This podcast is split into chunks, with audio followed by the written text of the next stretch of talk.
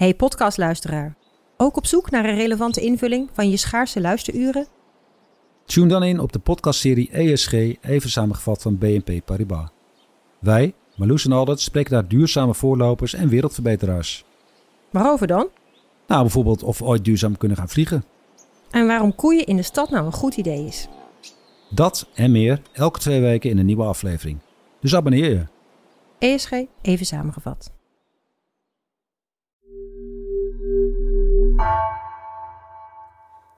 Hoi, ik ben Nina van Hattem, audioredacteur bij NRC.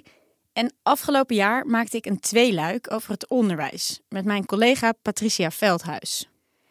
Zij was onderwijsredacteur en op de redactie vertelde ze mij op een gegeven moment dat ze als stagiair meeliep op een middelbare school, omdat ze erover nadacht om leraar te worden. En toen dacht ik: wow, dit moeten we echt zien te vangen in audio.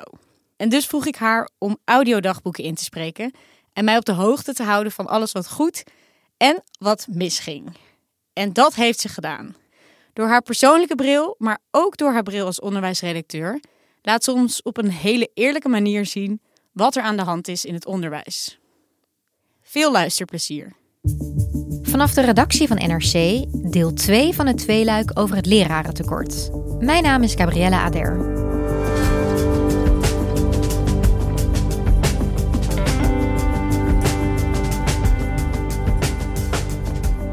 Het lerarentekort op basis- en middelbare scholen blijft maar stijgen. Patricia Veldhuis schrijft al jaren over het onderwijs en vraagt zich af: hoe kan het dat zo weinig mensen voor dit belangrijke vak kiezen? Wat gaat hier mis? Ze neemt de proef op de som en gaat ruim een half jaar lang zelf voor de klas staan. Heb je deel 1 nog niet gehoord? Dan raden we je aan om die eerst te luisteren.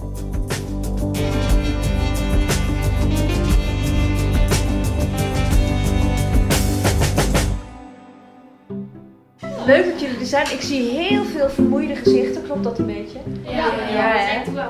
ja ik zie het. Ik ben nu een paar maanden aan het werk op het Redens in Roosendaal. Dat is een uh, middelbare school voor HAVO, VWO en gymnasium. Hebben jullie een beetje een beeld van wat nepnieuws is en hoe dat werkt? Ja. Dan mogen jullie zelf aan de slag. Ga je even bepalen wie van je groepje. Eén moment nog. Zijn er nog andere vragen hierover? Over de opdracht. Snappen jullie wat de bedoeling is? Ja? Ik ben Patricia Veldhuis, ik ben 53. Ik heb de afgelopen vier jaar gewerkt als onderwijsredacteur bij NRC.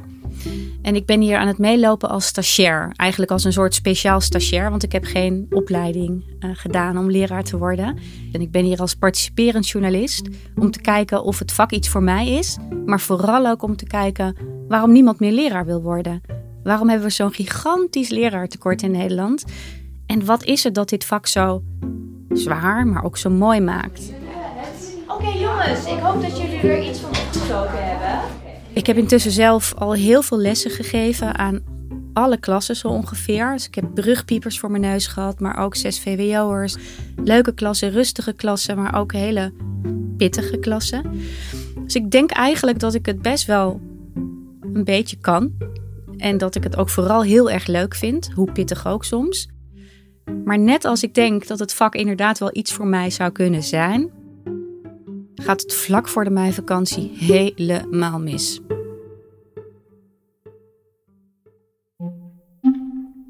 Ik heb in overleg met de vaste docenten Nederlands een lessenreeks gemaakt die wat verder afstaat van mijn eigen werk als journalist, omdat ik zelf behoefte had om wat meer ook echt hun vak te gaan geven.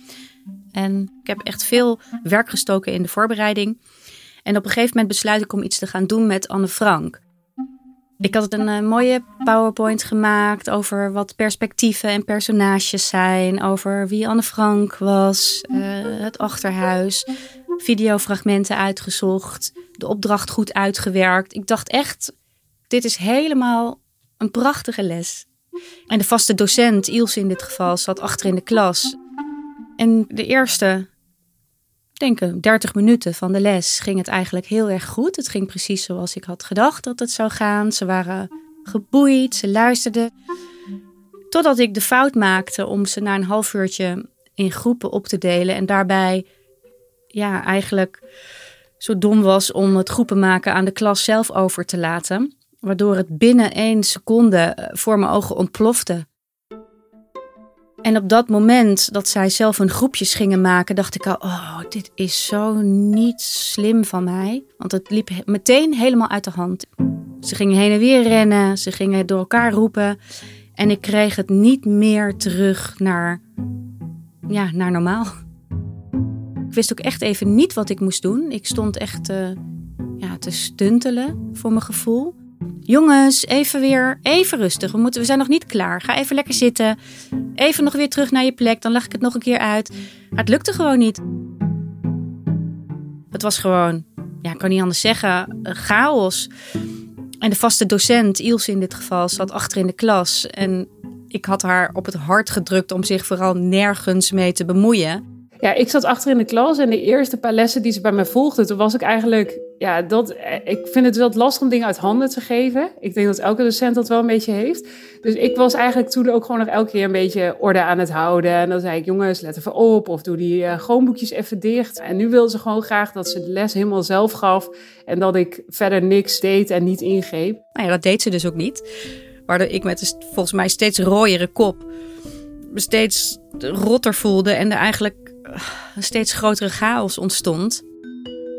Ik dacht, ja, pak nou even door en zeg even dit of dit. Maar ik vond het ook wel heel grappig om te zien wat er dus eigenlijk gebeurt als je dat niet doet. Want voor, als je natuurlijk zelf gewoon voor de klas staat, dan is dat zo normaal om dat te doen.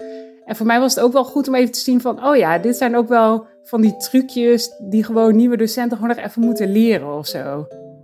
Ik heb nog nooit uh, zo uitgekeken naar het einde van een les. En dat duurt dan heel lang, kan ik je vertellen.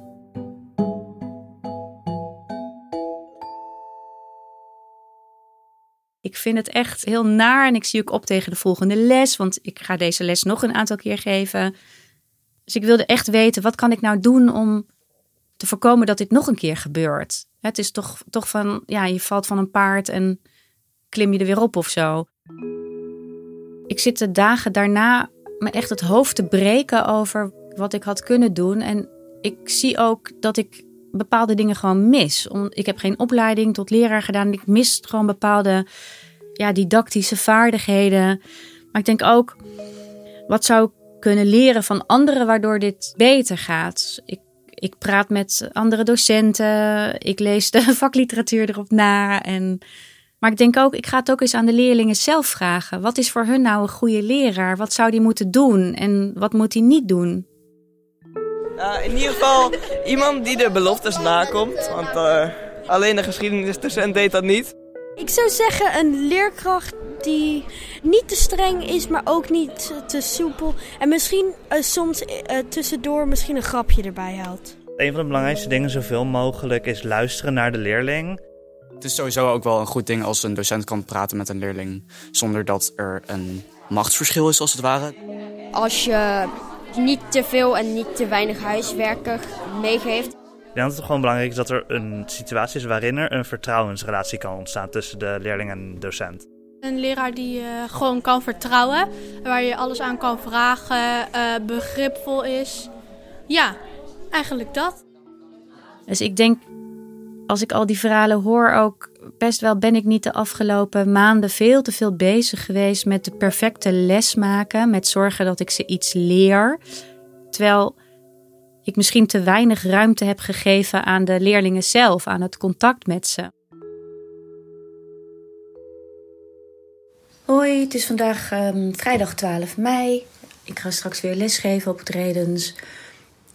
En ik ben er best wel een beetje nerveus voor, omdat ik ga dezelfde les geven die ik ehm, voor de meivakantie gaf.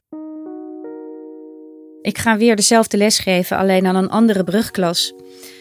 En ik maak me er best wel zorgen over. En wat ga ik doen als het weer zo ontspoort? Maar wat ik ook leer uit gesprekken is dat ik het heel erg bij mezelf moet houden. Dus op het moment dat het misgaat, dat ik dat ook moet benoemen. Dus ik moet zeggen: jongens, dit gaat niet goed. We gaan even opnieuw beginnen. Pas dan kan je ook weer verbinding maken met die klas. Zullen we dan maar gewoon met de les beginnen? Ja? Nou.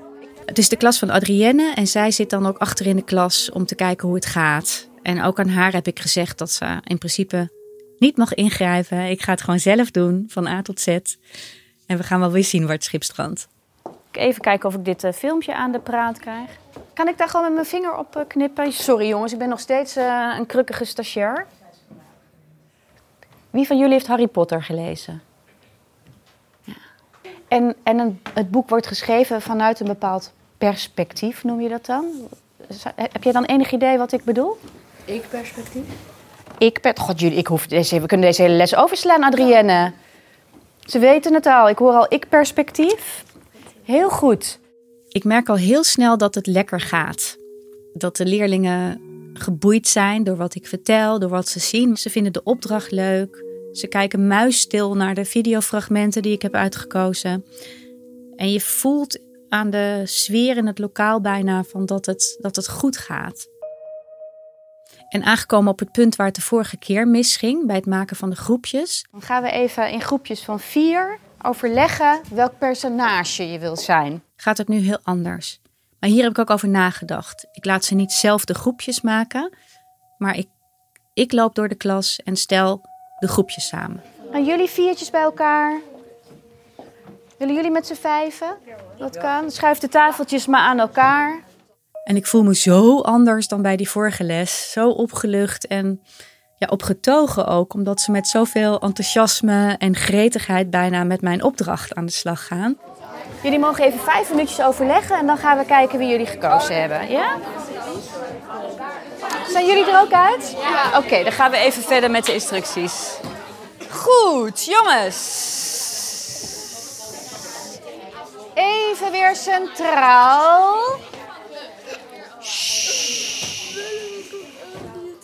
Oké. Dat is echt een wereld van verschil met de vorige les. En aan het eind van de les vraag ik Adrienne hoe zij vond dat het gaat. Nou, dit ging wel goed. Dit ging supergoed, maar je kinderen die waren echt helemaal van... Dus ze vonden het ook leuk hoor. Het was niet, uh, niet nep of zo. Nee, ik was nu uh, in control. Dus ja, ik ben er wel heel blij. ja, ik ben echt, vond het echt leuk. Ik vond het echt heel leuk. Ik ben zo opgelucht over deze les, ook omdat het niet een toevalstreffer is volgens mij, maar omdat ik echt um, iets meer grip heb op wat ik aan het doen ben. En dat helpt mij enorm de weken daarna. Ik ga fluitend naar de school. Ik vind de lessen veel leuker, veel inspirerender. En ik heb het idee dat dat een soort vliegwiel-effect heeft, want het wordt eigenlijk alleen maar leuker. En ik merk ook hoe ontzettend gaaf het is als ik voor een klas sta die nog weten wat we de vorige les hebben behandeld. En die spontaan met dingen komen als: Mevrouw, ik weet nog wat, uh, wat u de vorige keer zei. Of uh, ik vond het een hele leuke les, mevrouw. Ja, ik vind het te gek. Ik kan dat bijna niet anders omschrijven dan ja, momenten van euforie. Hoi, hoi. Ik loop met podcastmaker Nina door de gangen van het Redens. En voel jij je hier al een beetje thuis als je hier rondloopt? Ja, best wel, ja. En ik merk dat ik me echt eigenlijk onwijs op mijn gemak voel op deze school.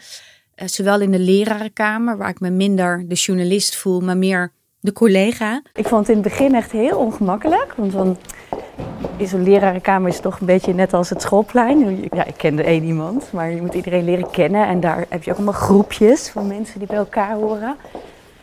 Maar dat voelt nu alweer zoveel vertrouwder. Ja. Als in de gangen waar ik leerlingen begin te kennen en zij mij. En waar ze soms ook een praatje met me beginnen te maken of me ergens naar vragen wat niks te maken heeft met, met de lessen die ik heb gegeven. Zoals Rawi die mij op een dag vraagt of ik hem wil helpen met zijn motivatiebrief voor de opleiding tandheelkunde. Ja, ik uh, moest dus ook een motivatiebrief schrijven. En natuurlijk moet dat wel echt perfect zijn. Maar ik had de brief ook aan Patricia gegeven. Nadat ik het al had laten checken door een paar docenten. En Patricia die had dan echt uh, tot op de puntjes de kleine foutjes eruit gehaald. Nog beter dan de docenten. Geachte heer, mevrouw. Hierbij ontvangt u mijn motivatiebrief. Van jongs af aan heb ik affiniteit gehad met tandheelkunde. Door de armoede in Afghanistan, waar mijn ouders oorspronkelijk vandaan komen, was het gebit van mijn ouders erg verwaarloosd. Eenmaal bij de tandarts in Nederland was het voor mij fascinerend om te zien uh, hoe groot de impact van de tandartsbehandelingen was op het gebit van mijn ouders. Sindsdien is het vakgebied tandheelkunde een grote inspiratie voor mij. Ik zie uw reactie met belangstelling tegemoet. Met vriendelijke groet, Rawi Omid. Ik hoop dat het heeft geholpen. Ja, zeker. Dat was heel fijn. En, uh, nou ja, ik uh, vind zelf dat ik mijn best heb gedaan. Dus uh, meer dan dat kan je ook niet doen. Ja, je hebt ongelooflijk je best gedaan. Ik merk steeds vaker dat ik in mijn hoofd ook echt bezig ben met serieus nadenken over... zou ik dit werk kunnen gaan doen? Zou ik het kunnen combineren met mijn werk als journalist? Ik vond het echt heel erg leuk om te doen. Ja. Dus, uh, Ja, de leerlingen waren enthousiast. Echt leuk, ja. En ik vloep er in een gesprek met een van de docenten uit dat ik het misschien echt wel wil. Nou, misschien moet ik toch maar juf worden dan, hè? Ja, nou. Wie weet, ja. Er is een tekort aan, hè? Ja, I know.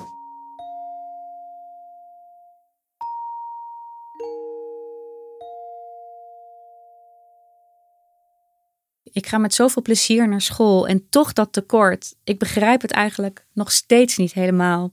Nou, dit is de lerarenkamer. Ja, uh, ik vind het wel een huiskamerachtige ja. situatie.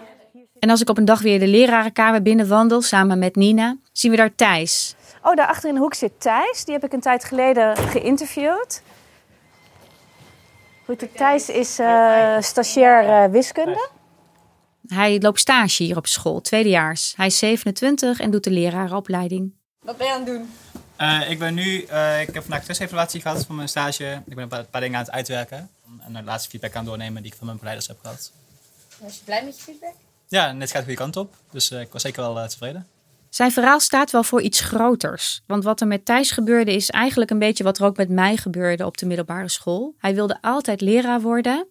Maar op het VWO zei iedereen tegen hem... Leraar worden, dat is zonde. Ja, dat is zonde. Waarom zou je dat doen? Je kan zoveel meer. Uh, en daar heb ik destijds uh, naar geluisterd en echt wel spijt van gehad. En dus ging Thijs studeren. Hij heeft een master onderwijskunde gehaald en werd onderwijsadviseur. Ik werkte toen voor een uh, advies-detacheringsbureau. Dat was een opdracht. Ik zat in Amsterdam, 11 hoog, aan de rand van de snelweg. Echt wel een interessant project. Maar ik dacht van, ja, ga ik dit de rest van mijn leven doen? Vijf dagen in de week? Ik krijg hier geen energie van.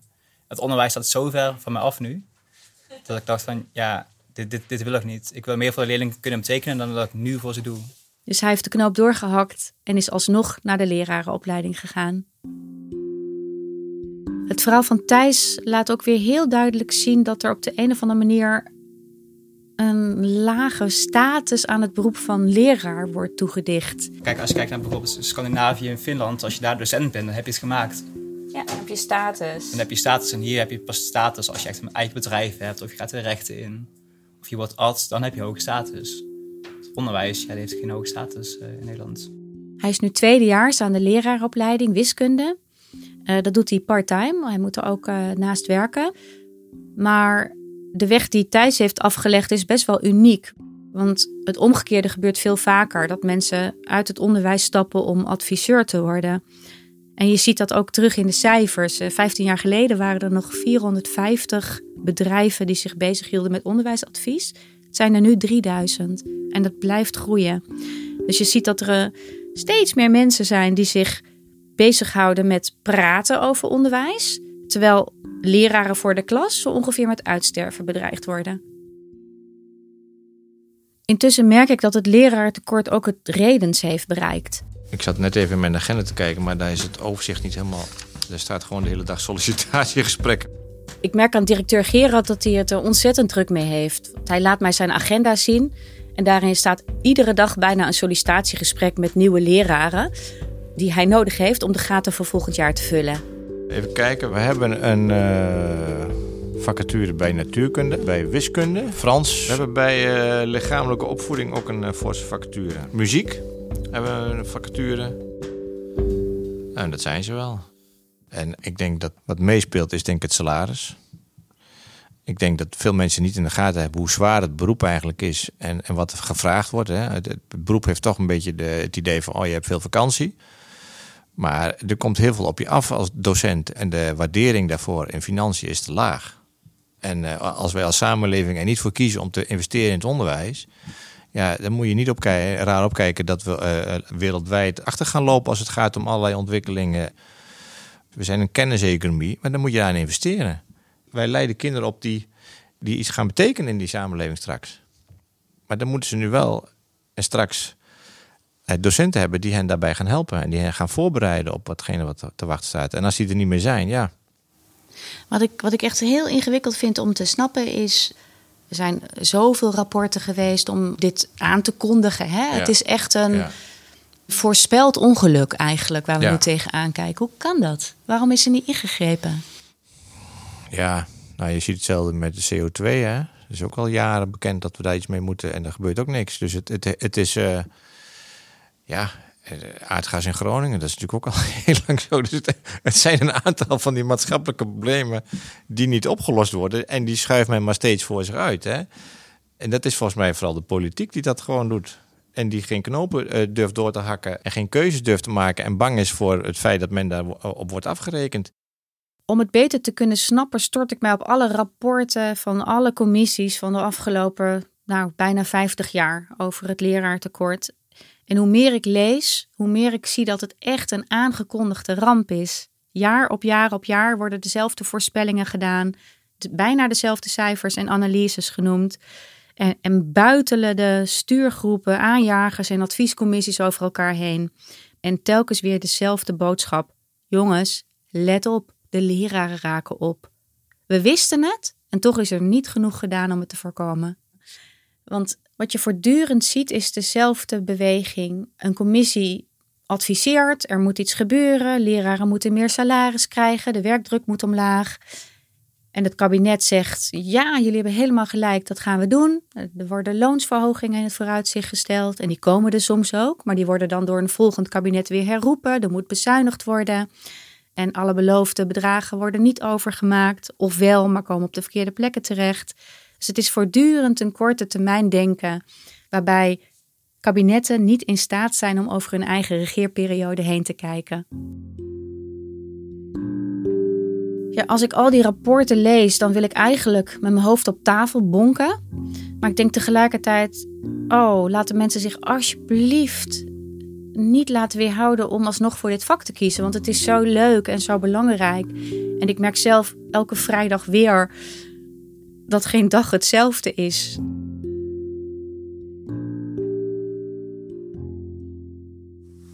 Het is vrijdag half vijf. Ik ben net thuis na een lange dag school.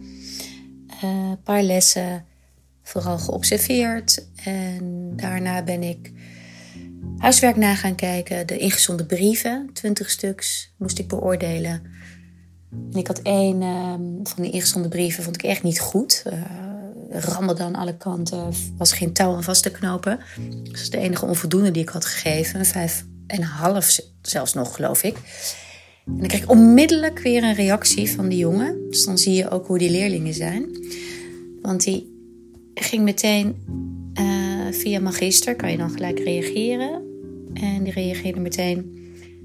Ik ga even heel eerlijk zijn. Ik ben het hier niet mee eens. Maar als ik hem dan weer zie, de volgende les, dan zie ik eigenlijk een hele andere jongen voor dan dat ik had verwacht. Ik dacht, er komt iemand die boos is en een hoge cijfer wil. Maar ik zit ineens tegenover een jongen die heel onzeker is en het afschuwelijk vindt dat hij een onvoldoende heeft. En daar schrik ik best wel van. Ik denk, hè, een vijf en een half. Het is ook geen één en je staat er hartstikke goed voor. Hij vertelt ook aan me dat hij ontzettend hard zijn best heeft gedaan op de opdracht. En ik merk dat wat voor mij gewoon een cijfer is, voor hem echt heel erg is. Dus in overleg met Adrienne besluiten we: oké, je mag het nog een keer proberen. En dat levert een beter resultaat op, een 6. Maar ik zit er later over na te denken: van wat gebeurt hier eigenlijk? Waar, staan die cijfers eigenlijk voor? En, en waarom geven die zo'n enorme druk op die leerlingen? En ik merk ook dat die cijfers ook ergens anders voor staan. Voor een, een schoolsysteem waarin leerlingen tegenwoordig ja, de hele tijd worden gecontroleerd. Omdat alles zichtbaar is. Als ze te laat komen, staat het in Magister. En Magister is een app op de telefoon van hun ouders. Dus die zien ook alles. Als je huiswerk niet hebt gemaakt, staat in Magister. Ieder cijfer, iedere tussentoets, het staat allemaal in Magister. En die cijfers zijn steeds belangrijker ook. Die moeten hoog zijn. Je mag niet falen, want je moet het halen. Je moet door. Je moet naar het hoogste niveau. Dus dat geeft een enorme druk. Ja, en die druk is misschien ook niet zo gek als je bedenkt dat cijfers ertoe doen. Omdat hoge cijfers ervoor zorgen dat jij misschien inderdaad naar de universiteit kan. En dat ouders dat zo graag willen, is ook omdat het iets oplevert in deze maatschappij. Uh, tenminste, mensen die op de hogeschool of de universiteit hebben gestudeerd, die verdienen gemiddeld veel beter. Die leven jarenlanger, leven jarenlanger in een betere gezondheid dan mensen uh, die niet hebben gestudeerd. Dus de verschillen zijn ook heel erg groot. En die opwaartse druk waar we het hier over hebben, die heeft een enorme keerzijde. Namelijk dat er grote groepen scholieren enorm veel stress en druk ervaren door school. Als je kijkt naar onderzoeken hierover die de afgelopen jaren zijn gedaan, dan zie je een verdrievoudiging van het aantal scholieren dat last heeft van stress. Dat is echt in 20 jaar tijd gestegen van 16 naar 45 procent. En nog los van het feit dat scholieren hier zo massaal onder gebukt gaan, is er nog een gevolg van die enorme focus op cijfers en controles. Want wij zeggen tegen de kinderen, dit is de toets en dit zijn de antwoorden. En het moet precies zo en als het niet zo is, is het fout. Doe je, voldoe je dit en dit, ben je gewoon gezakt. Volgens Gerard zou het de creativiteit de das omdoen. Als iedereen hetzelfde leert en hetzelfde doet, dan hebben we straks echt tekort aan mensen die buiten de, de, de lijntjes kunnen kleuren. Dus kinderen die creatief denken, die zijn het na acht jaar eh, onderwijs zijn ze dat totaal kwijt.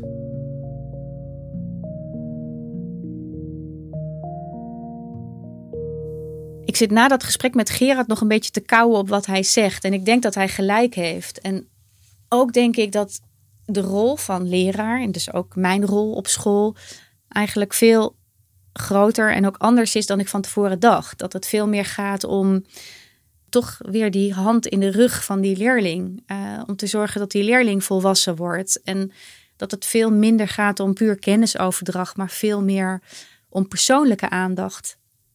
En dan krijg ik op een zaterdagochtend een berichtje van Ravi. Twee dagen geleden heb ik de uitslag gekregen van uh, mijn selectiepoging uh, bij de VU voor de studie tandheelkunde.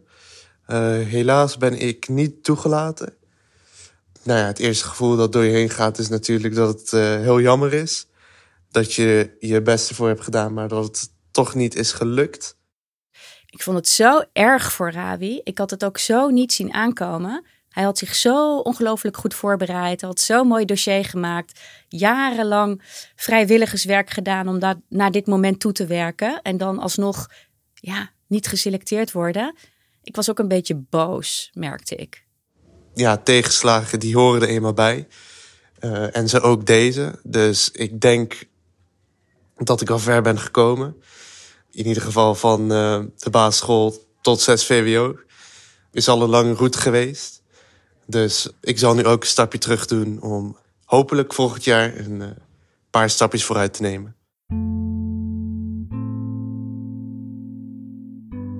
In de lente, als de bomen rond het Redens weer groen aan het worden zijn, denk ik terug aan het eerste gesprek dat ik met Gerard had, waarin hij twee cirkels tekende: mijn comfortzone en mijn leerdoelen en de pijnlijke weg daartussen.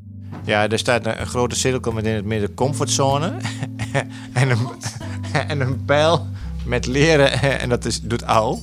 En ik denk nu ineens, ja, zo is het wel. Zo is het echt gegaan. Ik heb het echt even heel zwaar gehad.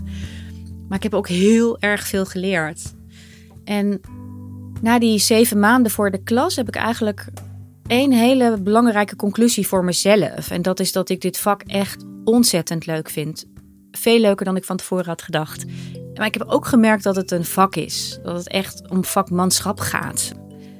En dat maakt dat ik, als ik er naar kijk vanuit een journalistieke bril, dat ik ook echt nog scherper zie wat daar zou moeten gebeuren en wat daar misgaat eh, op dit moment. Ja, dan zie ik eigenlijk een paar dingen waarvan ik echt denk: we kunnen het wel veranderen, maar dan moeten er een aantal dingen echt op de schop. Te beginnen met de werkdruk. En als die werkdruk niet omlaag gaat, dan blijft dit een vak waardoor ja, mensen afbranden. Gemiddeld geven wij in Nederland bijvoorbeeld 100 uur meer les per jaar dan in andere landen. En daarvan heeft zelfs een instituut als de Onderwijsraad al gezegd van ja, maak dat eens wat minder. Waarom, waarom doen we dat eigenlijk? En daarnaast zou je ook kunnen kijken naar de klassengrootte. Uh, ik heb zelf gemerkt als leraar dat het ongelooflijk veel uitmaakt of je voor 30 leerlingen zit of voor 25. Het heeft een nadeel, want kleinere klassen betekent nog meer leraren. Maar als het voorkomt dat leraren afhaken en afbranden, is het toch een hele goede oplossing. Waar ik heel erg op hoop is dat hè, we krijgen straks nieuwe verkiezingen.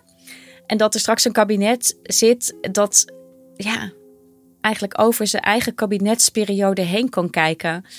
Want wat er de afgelopen decennia is gebeurd, is, is, is dat ministers van Onderwijs en kabinetten um, met hun eigen regeerperiode bezig zijn.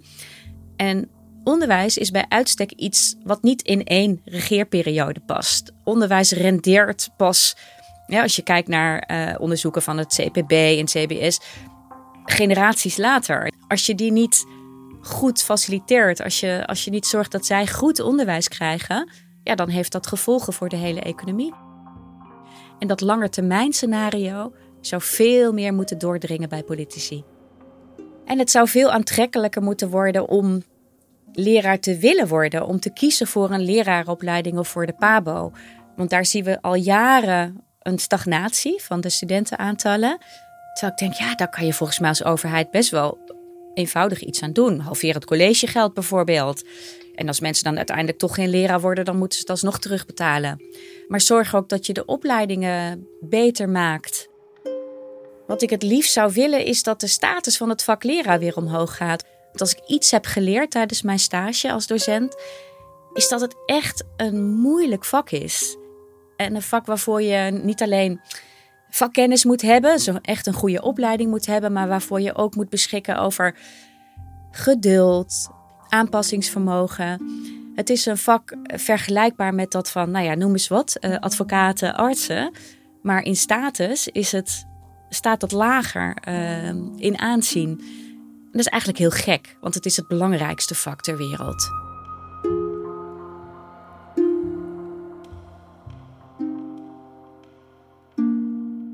Maar ik heb vooral geleerd dat ik dit vak ontzettend leuk vind en dat ik het misschien echt wel zou willen. Maar tegelijkertijd speelt er iets anders. Want in dezelfde tijd waarin ik echt serieus aan het nadenken ben over een combinatie van mijn werk als journalist en werken als docent, krijg ik een vraag van mijn hoofdredacteur of ik naar de hoofdredactie wil van NRC. Zijn vraag komt echt uit de lucht vallen voor mij. Ik had het niet zien aankomen. Dus ik moet er echt even over nadenken. Maar ik besluit om het toch te doen, met pijn in mijn docentenhart. Want dit aanbod komt maar één keer. En wie weet, ga ik dan over vier jaar of over vijf jaar alsnog voor de klas staan.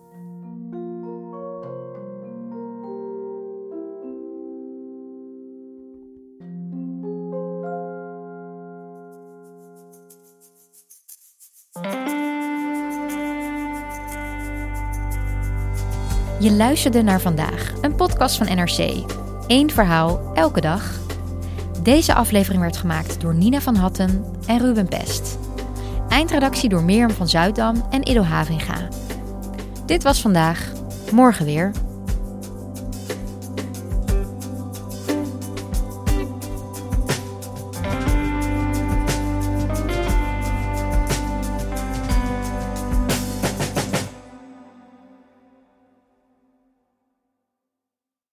Technologie lijkt tegenwoordig het antwoord op iedere uitdaging. Bij PwC zien we dit anders. Als we de potentie van technologie willen benutten, kunnen we niet zonder een menselijk perspectief. Human-led, tech-powered noemen we dat. Ga naar pwc.nl.